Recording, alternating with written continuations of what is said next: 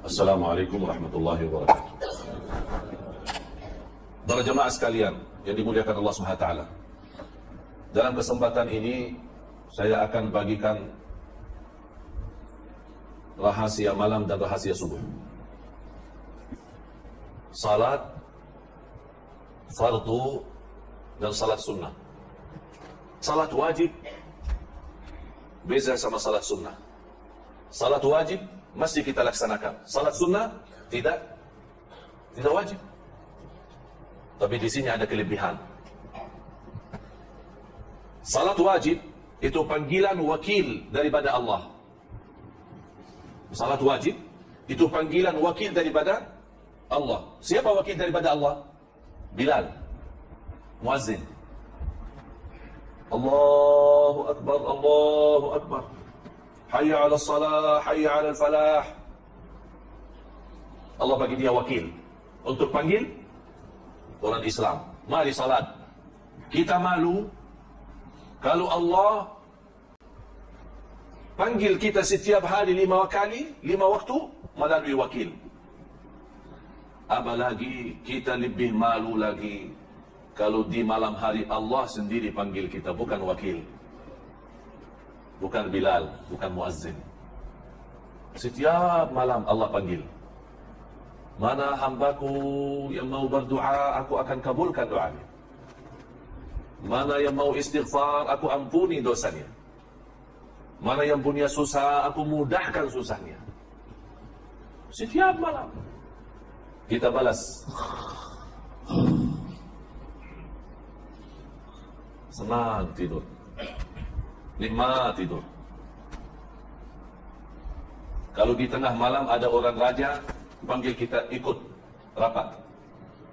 Akan dapat hadiah besar. Macam mana manusia? Bangun tidak? Ha? Semua bangun. Duluan. Dia tunggu di istana. Ini Allah panggil kita. Oleh sebab itu jemaah, salah satu rahasia malam, bahkan salat malam itu sebaik-baik ibadah sesudah salat wajib. Sebaik-baik ibadah sesudah salat wajib. Sebab kita salat malam, tidak ada maksa. Tidak ada maksa, tidak ada orang lihat. Betul-betul murni ikhlas. Oleh sebab itu kata ulama, akhlasun nas ahli salat malam. Orang yang paling mulia ikhlasnya ahli salat malam. Yang paling jujur berkataannya ahli salat malam. Sebab mengapa dia salat malam? Tidak ada maksa. Tidak ada maslahat dunia. Dia betul-betul lillahi ta'ala. Dia tinggalkan enak tidur, senang tidur. Mungkin letih badan. Dia bangun tengah malam. Walaupun dua rakaat tutup witir. Guru saya menyampaikan nasihat. La yakhlu layluka min thalathi rakaat. La yakhlu layluka min thalathi rakaat. Jangan sampai satu malam terlewat tidak ada isinya tiga rakaat. Jangan sampai. Apa maksud tiga rakaat? Witir. Kalau tidak mau salat malam, boleh. Tapi jangan sampai witir itu pun tertinggal. Allah cinta witir. Allah witir. Allah cinta witir. Dan kata Rasulullah, berwitirlah kita Alhamdulillah rata-rata semua boleh bangun sebelum azan kan? InsyaAllah semua kan? Sebelum azan berapa minit?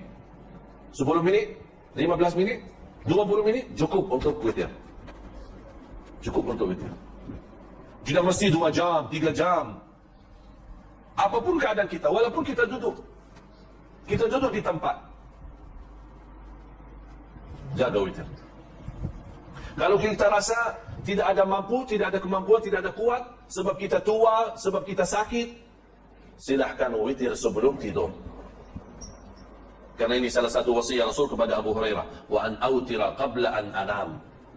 Witir sebelum tidur. Supaya kita termasuk orang yang menerima panggilan Allah, bukan panggilan wakil. Panggilan Allah apalagi di malam hari. Lepas selesai witir, sambil menunggu azan subuh, Sebelum ini Tolong isi istighfar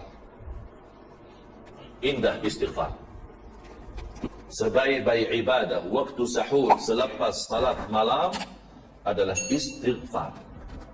Ada orang tanya, saya sudah salat tahajud, sudah salat malam, ada waktu, ada masa, azan subuh, mungkin 15 minit.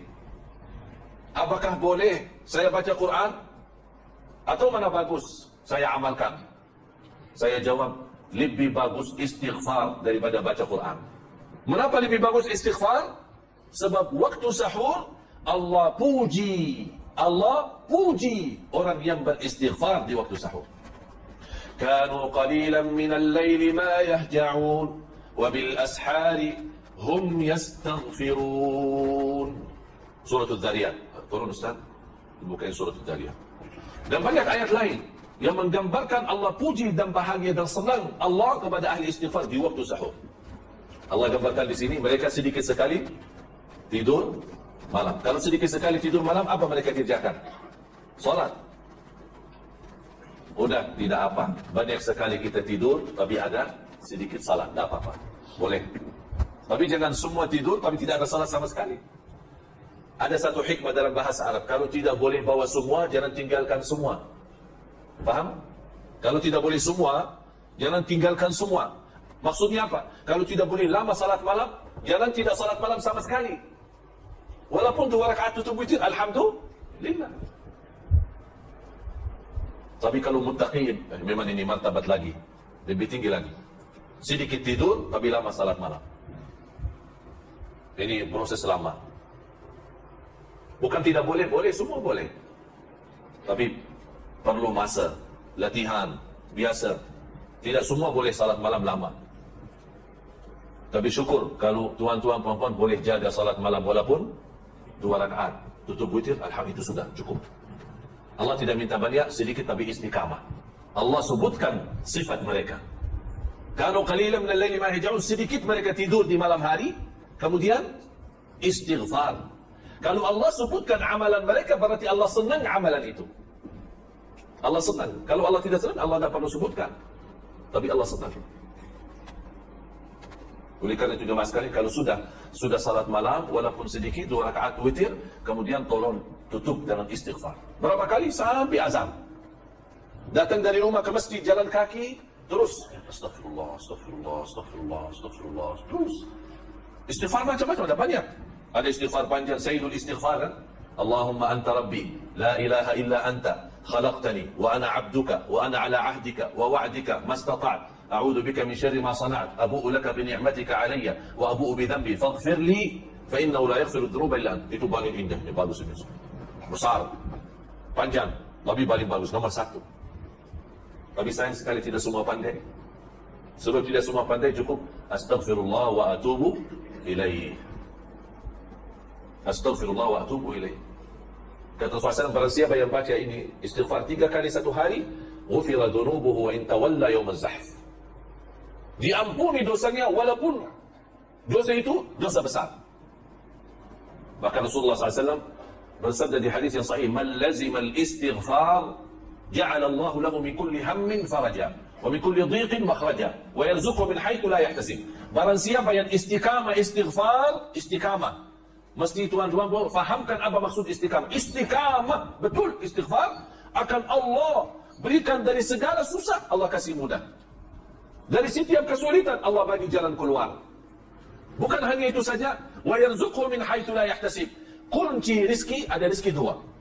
Ada rezeki maklum, ikhtiar. Kita kerja ada gaji.